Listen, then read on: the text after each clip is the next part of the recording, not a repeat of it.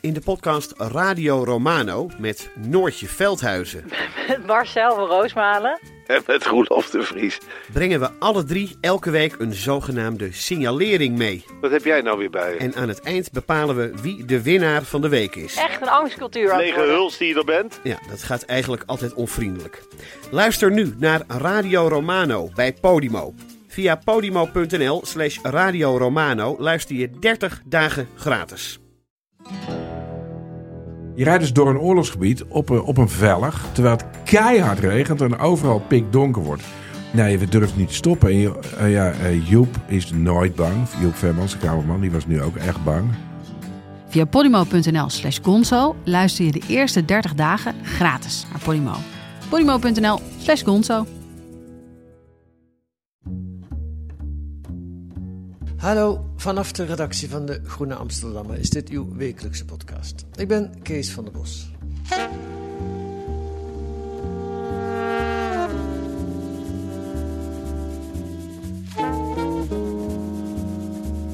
Het gaat goed met Amsterdam. Het is een rijke stad, waar het in de jaren 70 nog bekend stond als een arme stad, waar de mensen uit de weg trokken.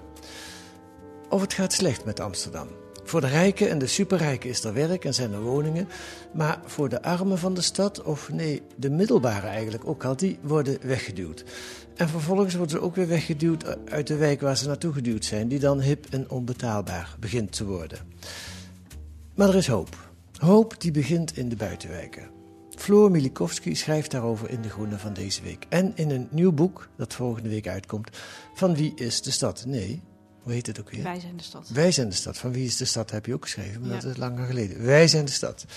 Eh, nou, je hoort het al. Dag Floor, welkom in de podcast. Dankjewel. Ehm, een menselijke metropool, zo staat het in, de, in het grootste omgevingsvisie 2050 van de gemeente.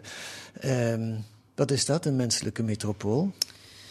Ehm, de gemeente bedoelt daarmee een metropool, is een grote stad met, met verschillende kernen. Een groot, groot stedelijk gebied waarin de mens centraal staat. En niet eh, kantoren, geld, werkgelegenheid, dat soort dingen. Maar waarin het moet gaan over de mens. Ja, Ja, wie kan daar tegen zijn? nee, het is een heel mooie ambitie. Het is eh, ja, heel belangrijk om een menselijke metropool te zijn. Ja.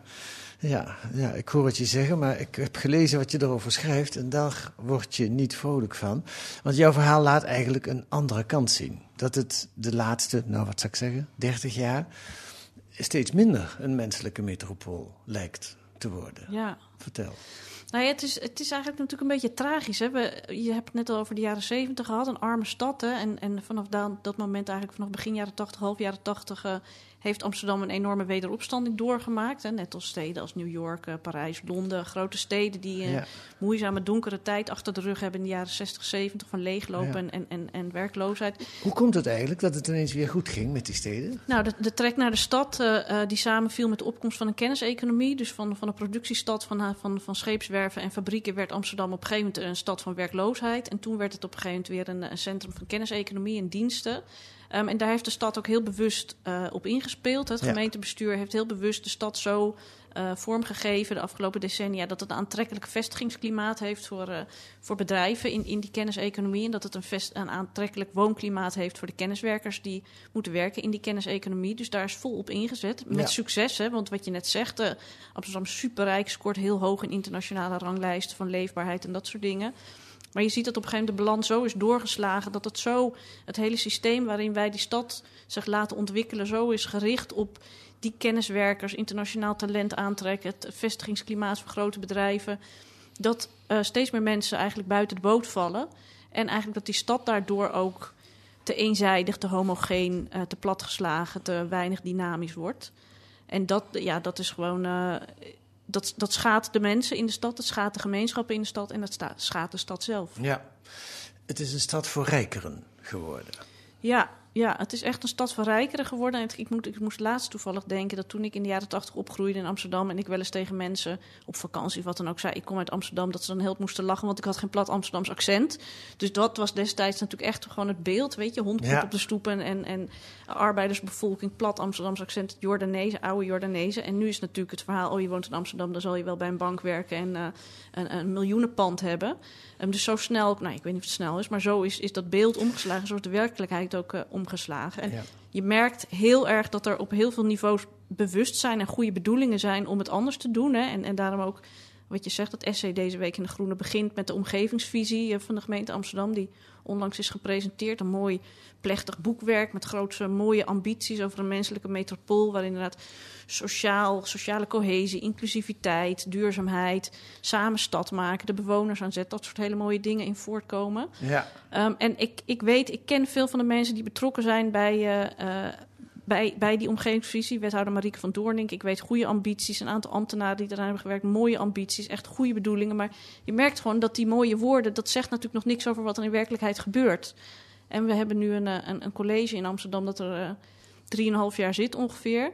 Dat ook hele mooie ambities had toen ze aantraden. Ook over eh, inclusiever, socialer, betaalbaarder. En ik weet ook dat men de wil wel heeft om het anders te doen... ja. Maar dat vraagt ander beleid, ander bestuur, andere keuzes dan, eh, dan wat in werkelijkheid gebeurt. En je ziet dat het alleen maar erger is geworden. Nou, weet je, dat vind ik zo intrigerend aan jouw verhaal. Ehm, het is eigenlijk, de, de weg naar de hel is geplaveid met goede bedoelingen. Het- Er zitten eh, in Amsterdam bijna altijd linkse bestuurders. Nu ook weer een eh, links college. Een zeer links college, zelfs ook voor Amsterdamse begrippen. Ja, knijterlinks eh college noemde, wie was het ook weer? Annabel Nanninga. Annabel Nanninga uit. Ehm, met andere woorden, dat zijn mensen van wie je verwacht, die hebben oog voor de armeren en voor de, voor de minder bedeelden. En, voor de, en toch gaat het heel erg mis. Dus Ja. dat roept de vraag op, waarom? Nou ja, ze, ze doen ook wel, weet je, het armoedebeleid. En het Ja, werkt, het helpt niet. Nee, het werkt. Nou ja, kijk, ja, het helpt. het- weet je, je zit als stad, ben je onderdeel van allerlei grote systemen en ontwikkelingen en trends. En, en je bent natuurlijk deels speelbal van en nationaal beleid. Hè, dus, dus zolang als we weer op weg gaan naar Rutte 4, eh, waarvan ze zelf kunnen zeggen dat het heel anders wordt.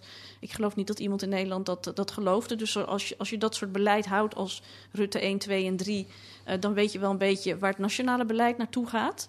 Ehm, en dan weet je dat er gewoon al die internationale trends en ontwikkelingen eh, met de Maagde-eiland daar als, als symbool daarvoor gewoon van het vrije verkeer van, van kennis en geld. En dat met name ten goede komt aan een, eh, eh, ja, een, een bovenlaag van de internationale eh, samenleving, maar niet die lagen daaronder. Maar pleit je nu het gemeentebestuur vrij? Nee, absoluut niet. En, en wat, wat ik gewoon heel erg zie, is dat er, dat er mensen zitten die, die, die, die willen inderdaad... en die op detailniveau echt wel goede dingen doen... maar die niet de radicale keuzes, of ik weet niet of het radicaal moet noemen... de grote keuzes durven te maken die deze stad echt een andere koers kunnen geven. Dus er zijn zulke enorme belangen. Er moeten woningen gebouwd worden, want er is schaarste.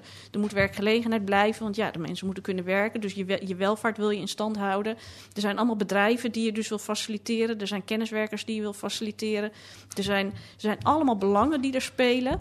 Maar je ziet dat eh, de, de bewoners die buiten de boot vallen... dus die, die niet in die systemen passen... of die er misschien wel in passen, maar er niet tussen komen. Dus ik focus me in, in dit boek en in dit essay heel erg op de buitenwijk. Hè. Daar zie je een enorm snel emanciperende eh, jonge generaties... met met een migratieachtergrond, diep gewortelde Amsterdammers... die al heel lang buiten de boot vallen... omdat ze in die buitenwijk in Nieuw-West en Zuidoost... Ja, een beetje buiten dat bolwerk van, van, dat, van dat centrale deel van de stad vallen. En omdat er toch dat sluimerende discriminatie, eh, dat racisme dat er altijd speelt... waardoor het voor hen ook moeilijker is. Maar die ook komen uit wijken waar gewoon heel weinig goede publieke maatschappelijke voorzieningen zijn, waar het, het leven harder is. En die merken dat zij nu geleidelijk aan ook verdrongen worden uit die buurt, omdat er allerlei ontwikkelingsplannen zijn, masterplan Nieuw-West, masterplan Zuidoost, met goede bedoelingen, mooie woorden, maar waarvan zij zeggen, wij worden hier gewoon niet in meegenomen. En eh, er wordt wel gezegd, ja, het moet voor de bewoners en met de bewoners. Maar in praktijk, als je daar gaat kijken en als je praat met die mensen, dan merk je dat het gewoon helemaal nooit met de bewoners en voor de bewoners gebeurt. Laten we eens een bewoner aan het woord laten uit de buitenwijk. Notabene van de gemeentevideo, van de omgevingsvisie. Rachel Tokromo, eh, jij, kent haar, hè? Of wie is dat? Ja, ze, is, ehm, eh, eh, ze komt uit Zuidoost inderdaad. En ze is betrokken bij een broedplaats in, in, in Amstel 3. Zat in een deel van Zuidoost. En ze, ze werkt ook bij een, organisatie die, die ehm, eh, niet armoede, die, die werkt, die jongeren helpt bij eh, die in schulden zitten en zo. Ze is gewoon een hele ondernemende, creatieve. eh Jonge. dertiger, Ja. eind twintiger uit, uit Zuidoost. Met, ja, ja, die gewoon met liefde voor de stad. Luister. Een grote vraag die ik heb als ik de mooie bouwplaatjes zie voor eh, Amsterdam in de toekomst. Dan vraag ik mezelf af, hoe, hoe staan de mensen daarin? Is er nagedacht over de geestelijke gesteldheid van de mensen? Zijn we geestelijk gezond? gelukkig, blij. Ik heb het idee als ik naar die plaatjes kijk dat ik heel hard moet werken. dat ik moet kopen, dat ik eh, moet consumeren. Ik voel weinig ruimte om ook gewoon te spelen en mens te zijn en een connectie te maken. Dat vond ik wel grappig wat ze zei. Als je naar die plaatjes kijkt, dan moet ik heel hard werken. Dat straalt het uit. Hè? Het, Dat- ja. het, het zijn, het zijn, wij zetten de schouders onder. eh, en wij zijn geslaagde mensen en wij, wij pakken aan. En, en de minder geslaagde mensen, die zie je niet. Nee, en die, die zie je niet. En ik vind altijd die artist impressions, dus die mooie beelden die vaak vooraf worden eh, getekend, onder, on- gemaakt over bouwblokken of woonwijken die gebouwd worden. Dat je, die woningjes worden steeds kleiner op die plaatjes, maar steeds hipper. En tegenwoordig is een soort van prototype van succes of symbool van succes schijnt te zijn dat je een wielrenfiets op je mini-balkonnetje hebt staan. Dan denk ik altijd, dat is toch niet iets om mee te pronken? Dan gaat er ergens iets mis. Staat er bij jou een wielrenfietsje op je balkon? of Nee, ik heb geen balkon, ik woon beneden. Niet groot, maar wel beneden. Oké. Ehm, maar, maar het geeft aan dat, wat zij natuurlijk heel duidelijk zegt, is inderdaad, we zijn zo hard bezig met het faciliteren van dat hardwerkende, veelverdienende klimaat, waarin iedereen elkaar alsmaar weer opstuwt om nog harder te werken voor, voor nog slechtere arbeid, onder nog slechtere arbeidsvoorwaarden en met nog slechtere toekomstperspectieven eigenlijk. Ja. Op de woningmarkt inderdaad en, en, en qua, qua contracten geldt. En het is natuurlijk een heel breed fenomeen. En niet, Amsterdam is hier niet alleen in. Je ziet dat die hele verdringing van bepaalde groepen en, eh, en, en marginalisering en die onzekerheid. En je ziet het leuke, vind ik, in, in waarom, waarom ik dit boek ook heb geschreven, dat stuk waar het ook uit voort is gekomen eerder dit jaar. Ik was heel blij om te merken dat er in delen van de stad dus nog een bepaalde vrijheid en drive en ambitie zit om die stad echt te veranderen. En die delen, dat zijn de buitenwijken. Dat zijn die buitenwijken waar dus, en wat ik ook heel leuk vind namelijk, daar zitten veel eh, mensen met een migratieachtergrond, hè, eh, eerste, tweede, derde generatie, eh, veel. Maar dat zijn natuurlijk inmiddels heel erg diep gewortelde gemeenschappen, want veel mensen die hebben al opa's of oma's of ouders die in de stad eh, eh, ook wonen. Dus daar, daar is ook een hechtheid en, en een bepaalde geworteldheid. En je ziet dat het gedeelte binnen de ring wonen natuurlijk steeds meer mensen die helemaal niet in de stad zijn geboren, maar daar zijn komen studeren en of om komen te werken. Wat ook prima is, want dat hoort heel erg bij de stad. Maar het leuke is juist dat je merkt dat daardoor die gemeenschapszin en die betrokkenheid bij de eigen omgeving in die buitenwijken sterker is dan in veel Ja. delen binnen de, binnen de ring. En bovendien natuurlijk omdat daar toch veel mensen wonen die uit sociaal-economisch lagere eh, in- inkomensgroepen komen. En die dus er niet tussen komen, geen jubelton eh, hebben vanuit ouders, geen niet de netwerken hebben die je vaak nodig hebt tegenwoordig om ertussen te komen. Mensen die het gewoon op eigen kracht moeten doen. En dat feit dat daar dus die eigen kracht is, ehm, eh, die het mij ook heeft doen opvallen dat er dus van alles gebeurt. Dat zijn Mhm. mensen die dat echt dus op eigen kracht doen. En er zit een enorme energie, culturele rijkdom, verrassing. Hè? Want bij een stad hoort gewoon altijd... Een stad hoort zich altijd te vernieuwen. Want als je een stad stilstaat, dat is echt heel erg achteruitgang. Je moet mee met de tijd. En dat gaat niet als je een stad, stad bent van de gevestigde orde. En dat is in mijn in, vorig boek van Wie is de Stad, citeer ik op een gegeven moment voormalig wethouder Maarten van Poelgeest, die zegt... We moeten uitkijken dat dit niet een stad van de gevestigde orde wordt. Zoals Zurich of Genève. Mensen met goede banen, goede, goede levens, goede huizen. Maar niet met heel veel drang tot verandering of vernieuwing. En dat heeft de stad altijd nodig. En een stad als Amsterdam heeft ook heel sterk die traditie natuurlijk... van altijd culturele vernieuwing, maatschappelijke vernieuwing... emancipatiestad, hè, waar groepen kunnen komen, mensen kunnen komen om zich op te werken. En dat, dat, dat karakter, die karaktereigenschap staat echt onder druk. En daarom vond ik het een verademing om te merken dat die eigenschap aan de randen van de stad nog wel degelijk te vinden is.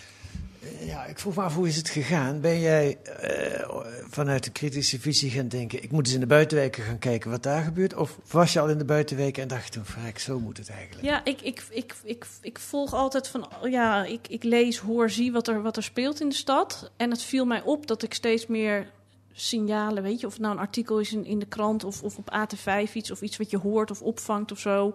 Eh, ik werd toevallig ook uitgenodigd bij een, eh, een talkshow die door het Amsterdam Museum eh, werd georganiseerd, die heel erg bezig zijn met, met een ander verhaal over de stad vertellen. Juist dat cultureel diverse verhaal van de stad vertellen, dus andere mensen aan het woord laten. En dan kwam ik weer allemaal mensen tegen met allemaal initiatieven en projecten en dingen inderdaad in die buitenwijken. Dus het was een soort van optelsom dat ik dacht, er komen ineens allerlei dingen, merk ik, eh, zijn er gaande die echt iets anders zijn. En ik was helemaal niet van plan om weer een boek over Amsterdam te schrijven. Nog wel interessant, want ik dacht Nou, we weten het wel zo'n beetje, hè? het Ja. verhaal inderdaad. Het wordt Ja. allemaal saaier, rijker en eentoniger en, en, en duurder en onbetaalbaarder en drukker met toeristen. Je had je erbij neergelegd. Nou ja, dat niet zozeer. Ik was in afwachting van een interessant nieuw perspectief en een Ja. ontwikkeling waarvan ik dacht, nou, dat is de moeite van het schrijven waard. En dan zie je toch dat een stad altijd in beweging is en dat dit verhaal voor mij echt verteld moest worden. En ik weet nog dat ik met Xandra Schutte, hoofdredacteur, dat ik het haar probeerde uit te leggen waar ik over wilde schrijven. Met super diverse stad en gemeenschappen. En dat zij me ook een beetje zat aan te kijken van ik weet niet. Dus dat hadden we niet opgeschreven in het lijstje van artikelen die ik zou gaan schrijven. Maar ja. ik voelde dat dat verhaal toch verteld moest worden en misschien moeilijk onder woorden te brengen was, maar dat het wel ja, een verhaal is dat echt een keer iets anders vertelt over Amsterdam. Het gaat soms over hele kleine dingen die, zoals jij schrijft, of ook wel een mooie zin, die het leven eigenlijk uitmaken. Laten we eens naar zo'n klein ding, wat toch eigenlijk voor de gebruikers een heel groot ding, eh, luisteren. Nou, hier staan we dan. Dit is het officieel startmoment van de, de bloei- en groeituin hier in Venselpolder.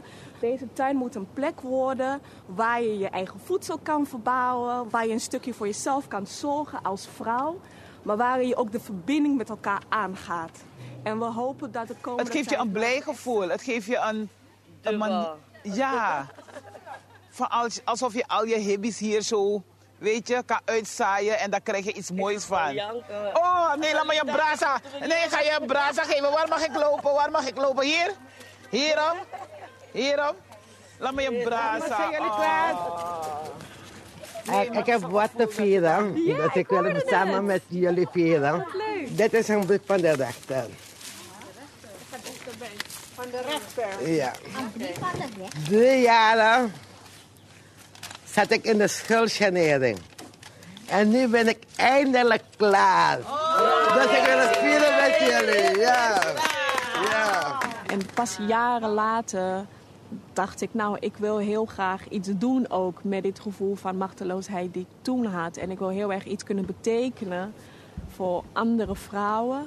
En daarom ehm, is tuinieren ook echt een middel, als een, ehm, echt als een oase, echt als een plek waar je gewoon echt kan ontvluchten eigenlijk min of meer van de...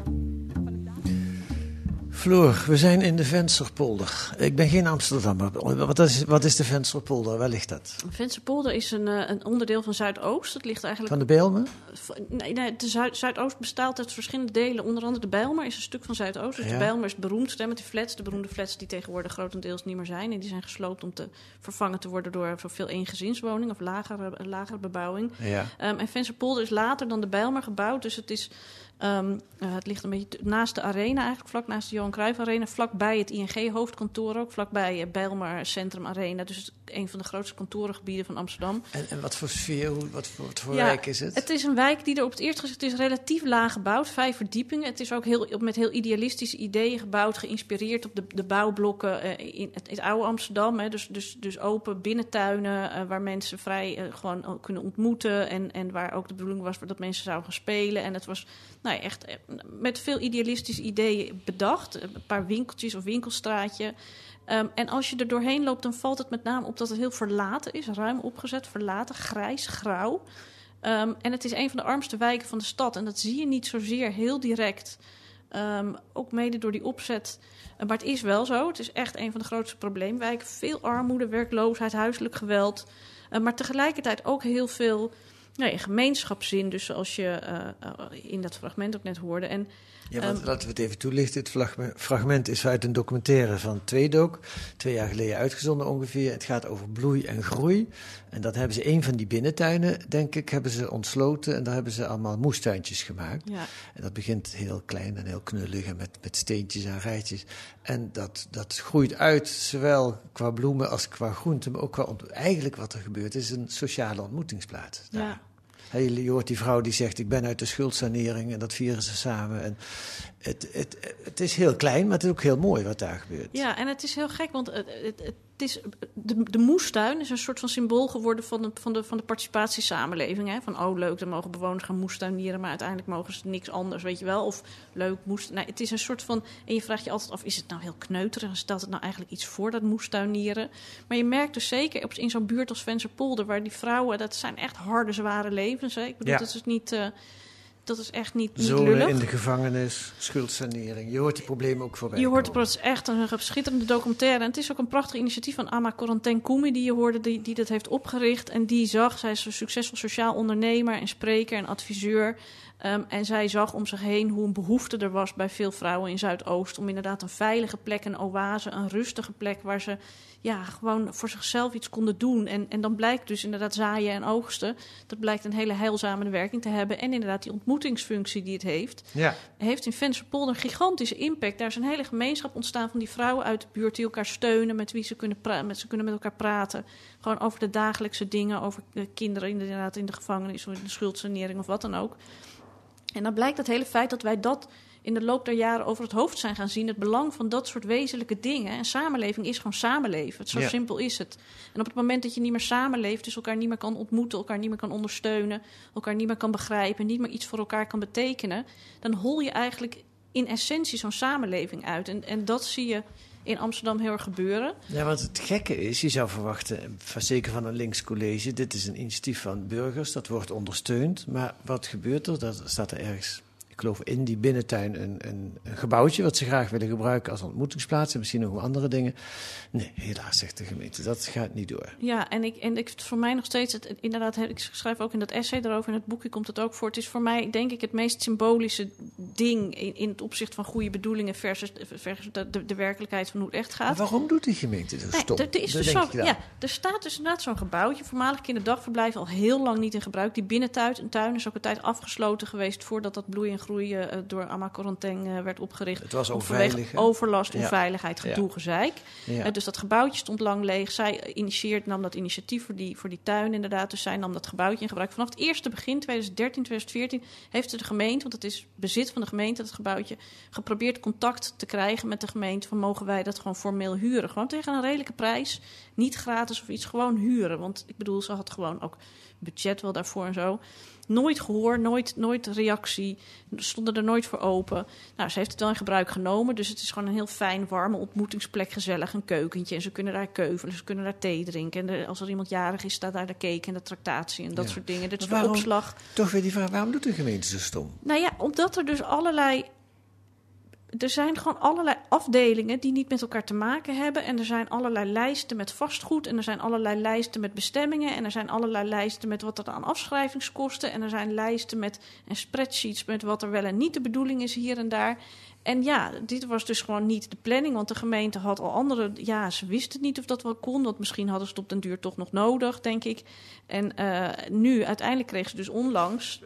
Dus kreeg ze een erepenning hè, en een aantal andere vrouwen in Die, Vensterpolder. die, aan, eh, Ama Coranteng, Koemi en een Ja. aantal andere vrouwen met wie zij samen in Vensterpolder nu probeert een soort van eh, buurtgemeenschap echt op ja, te richten. dat dan weer wel, wel een erepenning. Ze kreeg een erepenning. Femke Halsma op bezoek gekomen. Maar vervolgens in diezelfde periode krijgt ze dus bericht van de gemeente dat ze definitief niet dat hele gebouwtje in, in gebruik zullen krijgen, maar dat ze het zullen moeten gaan delen met de buurtrechter en de buurtteams. Wat in het geval van de buurtrechter weet je, nou ja, dat is niet, zijn niet de oude vrouwtjes uit de buurt die daar langs zullen komen. En ook de buurtteams zijn andere mensen. En dat is echt een oase voor die vrouwen.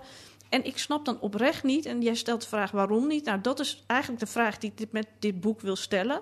Hoe kan het dat we accepteren dat er zoveel mooie woorden en mooie bedoelingen zijn, maar dat het in praktijk geen uitwerking krijgt? Ja, en, je, en- je, je bent net zo verbaasd als ik dat daar geen ja, en ik kan inmiddels, ik kan echt wel verklaren, ja, ambtenaren hebben niet de bevoegdheid, of dat is allemaal heel sectoraal ingedeeld, en het is allemaal met schotten ertussen, en er zijn verschillende belangen, en we moeten ook rekening houden met, en ik snap het allemaal wel, maar het, heeft, het slaat nergens op. Je hebt er niks aan. Weet je wat ik aan moest denken toen ik jouw boek en jouw stuk in De Groene deze week las? Kijk, in de jaren 60, en ik ben al oud genoeg om die meegemaakt te hebben, nou ja, niet zo bewust, jaren 70 wel, eh, had je de regentencultuur vanuit de jaren 50. De, de, de overheid wist het gewoon beter en de burgers, eh, eh, goedemiddag excellentie, hebt u een goede reis gehad, waren heel buigzaam en deden... Dat is allemaal veranderd. We hebben nu ook geen regentencultuur meer, maar eigenlijk gebeurt er bijna hetzelfde. Je hebt nu linkse mensen, links stadsbestuur, die allemaal plannen hebben hoe het verder moet met de stad. En weer worden die, die kleine mensen, die, die kleine plannen hebben die voor hun zo belangrijk zijn, die woorden zijn een beetje lastig, die, die passen er niet in. Nee, en, en dat is, en ik citeer ook in het essay en ook in het boek ook Frans Soeterbroek, die is participatiedeskundige, onwijs leuk man, filosoof, die ook in de praktijk allerlei participatietrajecten nu begeleidt.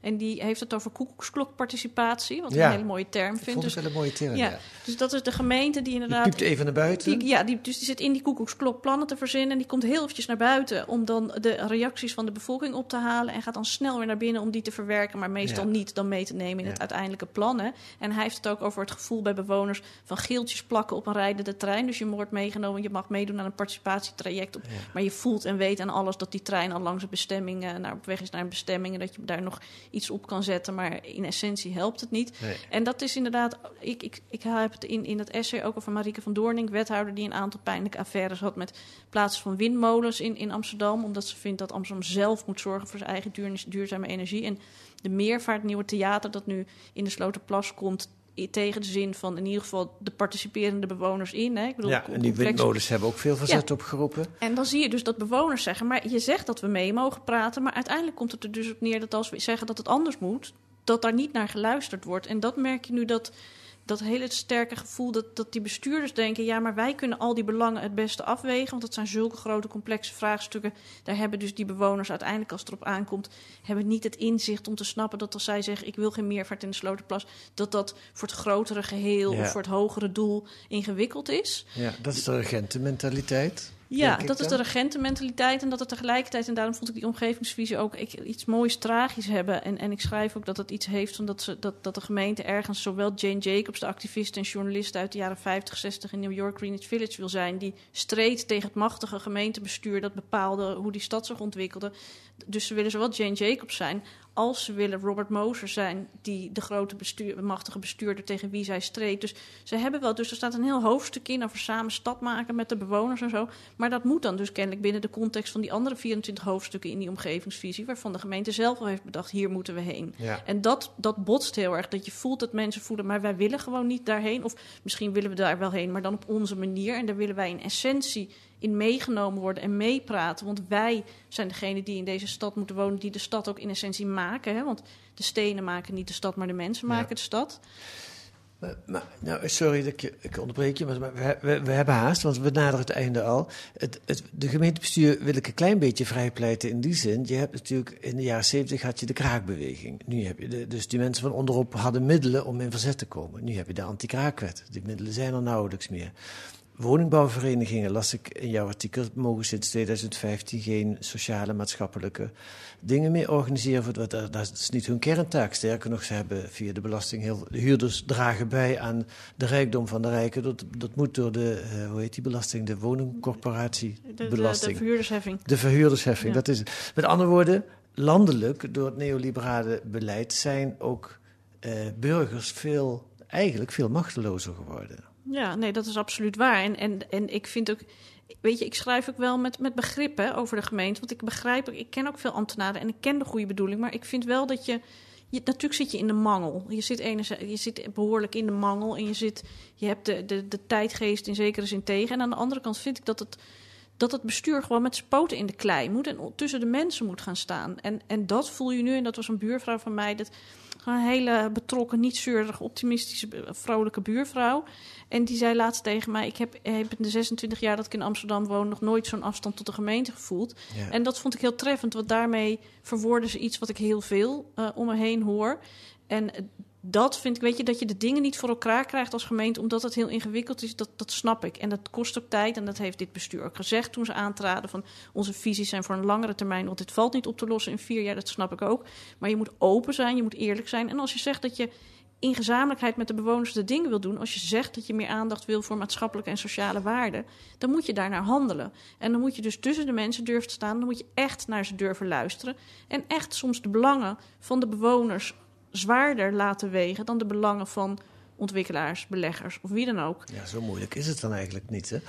zou ik denken. Maar nou, laat ik het aan jou vragen. Want jij, jij volgt, wat je net ook al zei, je hebt meerdere boeken erover geschreven. Jij volgt de stad al lang. Je kent ook de woningproblemen van de stad. Ehm, ze maken Floor Milikowski burgemeester. Nou ja, zo machtig is hij ook niet. Hoofd van de dienst eh, eh, eh, op de gemeentehuis. Wat is, wat is een, een eerste maatregel die jij, die jij zou willen nemen... waardoor die, dat luisteren naar die bewoners meer mogelijk zou worden? Nou, ten eerste, je moet mij nooit een verantwoordelijke functie geven, want dan gaat het mis. Dus daar moeten ze Nou, vooral niet aan beginnen. Ik pak hem dadelijk weer terug. Nou, echt, weet je, de, de, de, gemeentelijke organisatie, sinds het wegvallen van de stadsdeelraden, merk je dat het contact tussen het, het, het gemeentelijk apparaat en bewoners gewoon veel moeilijker is geworden, omdat de afstand fysiek gezien veel groter is die, geworden. die moesten weg in 2014 Ja, van Den Haag. dat was vanuit? Den Haag bedacht. En van Ja. in Amsterdam was een deel voor, een deel tegen. Maar in ieder geval achteraf zegt iedereen, het was eigenlijk niet zo handig. Hm. Je moet zorgen dat dat ambtenarenapparaat weer open gaat. En dat de mensen die, eh, eh, die in de wijken zijn... verantwoordelijkheid kreeg- krijgen en hebben... dat er weer ruimte is om echt inhoudelijk gesprek te voeren. Dat mensen niet alleen maar bezig zijn met checklistjes afvinken... en procesmatige eh, modelletjes navolgen. Maar oprecht even kunnen en durven stilstaan... en een, en een wezenlijk gesprek voeren. En vaak hoeft het in die zin ook heel, niet heel ingewikkeld. Zoals dat gebouwtje waar we het net over hebben. Dat had ook een ja kunnen zijn. Van ja, Ja. natuurlijk krijg je dat gebouwtje. Dan heb, heb je een heel andere keuze gemaakt. Dan heb je een enorm verschil gemaakt. Ja. Dus het zit hem vaak in best. Het, nou ja, ik zou inderdaad zeggen: het ambtenaarapparaat moet gewoon op de grond, op de, weet je, in, in de wijk veel sterker. Er moet weer contact zijn, fysiek gezien, tussen de mensen die het beleid bepalen en de mensen die daar eh, mee te maken hebben. En ik denk dat dat al gewoon weer met elkaar praten, naar elkaar luisteren, echt de ambitie en de wil hebben om dat samen, er samen uit te komen. Eh, en dat betekent voor een gemeente die met deze enorme complexe opgaven zit, is dat best ingewikkeld. Want dat, Ja. je geeft regie weg. Maar toch zijn er allerlei signalen dat, er, dat we in een kentering zitten. Het lijkt weer die kant uit te gaan Ja. op een of andere manier. Nee, ik geloof dat ook wel echt. Ik geloof wel echt dat we. eh, ja, dat, dat, we, dat we de grootste hobbels hebben gehad qua grote. Ja, complexe vraagstukken waar we al 10, 20 jaar tegenop zien. eh, en, Ja. en, en het bewustzijn, als je nu ziet de ophef over, over Wopke Hoekstra en ze, en ze, hoeveel was het? 26.000 euro op de Ja. Maagdeneilanden. Ja. Je voelt gewoon dat tien jaar geleden had niemand er naar omgekeken. En nu is iedereen eh, of aan het lachen of heel boos. Maar wel dat iedereen denkt, waar, waar gaat het over? Wat zijn we aan het doen? En natuurlijk, de, de tijdgeest is echt anders dan tien jaar geleden. Dus ik geloof ook wel dat het op een gegeven moment goed komt. Ehm, maar dat, dat vraagt wel, ja, dat is wel werk aan de Ja. winkel. Nou, jouw essay en jouw boek dragen daar zeker aan bij. Wij zijn de stad, de buitenwijk als kloppend hart, eh, bij uitgeverij Pluim en de Groene Amsterdammer uitgegeven. Ehm, aan wie ga je dat boek aanbieden? Eh, aan eh Meshda Bukhari Raouia. Die is, eh, staat in, in mijn boek ook. Zij is bewoner van, die, voormalig bewoner van de ges- inmiddels gesloopte Jacob Geelbuurt in, in Slotervaart. En zij werd eigenlijk per ongeluk, of to- toevallig werd zij onderdeel van een heel mooi project, het Jacob Geel Museum, over die buurt die gesloopt ging worden en eh, eh, eh, die inmiddels deels gesloopt is en waar zij weg moest om de gemeenschap in beeld te brengen die voor altijd zou verdwijnen. En zij is gewoon ja, een typische Amsterdammer. ge- Geboren in Marokko, als jong kind naar Amsterdam gekomen. Osdorp opgegroeid. Diep geworteld in de stad. eh, kinderen, eh, ja, maar voor wie ze mooie dromen heeft. Die zelf ook mooie dromen hebben. En, en ik vind haar het, het type gewone Amsterdammer... die met iets kleins een groot verschil kan maken... vind ik echt een voorbeeld voor velen. Kijk, nou, ehm Floor Milikowski, dankjewel voor dit gesprek. Graag gedaan.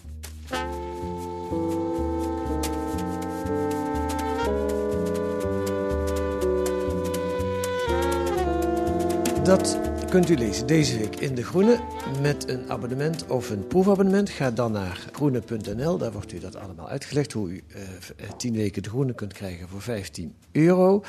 Wat staat er deze week nog meer in De Groene? Er is natuurlijk veel aandacht voor de Pandora Papers. Floor had het er al over. In een groot achtergrondartikel laten de Investico-redacteuren Carlijn Kuipers en Anouk Kootstra zien hoe een Nederlandse tussenpersoon in Monaco miljoenen euro's helpt verstoppen. En ook de Maagde-eilandroute van Wopke Hoekstra en zijn rijkere vrienden wordt in een tweede artikel uitvoerig belicht. En dan een reportage van Judith Neurink uit Mosul. De Iraakse stad werd bevrijd van IS, maar de inwoners zuchten nu onder de corruptie van de Sjiïtische milities. Dat is weer andere koek dan leven in Amsterdam. U kunt reageren op de podcast. Ons mailadres is podcast.groene.nl. En volgende week zijn wij er weer met analyses en achtergronden bij het nieuws in deze podcast van de Groene Amsterdammer. Die deze week werd gemaakt door Paola Leijsen en Kees van der Bos. En de muziek is zoals altijd A Tune for N van Paul van Kemenade.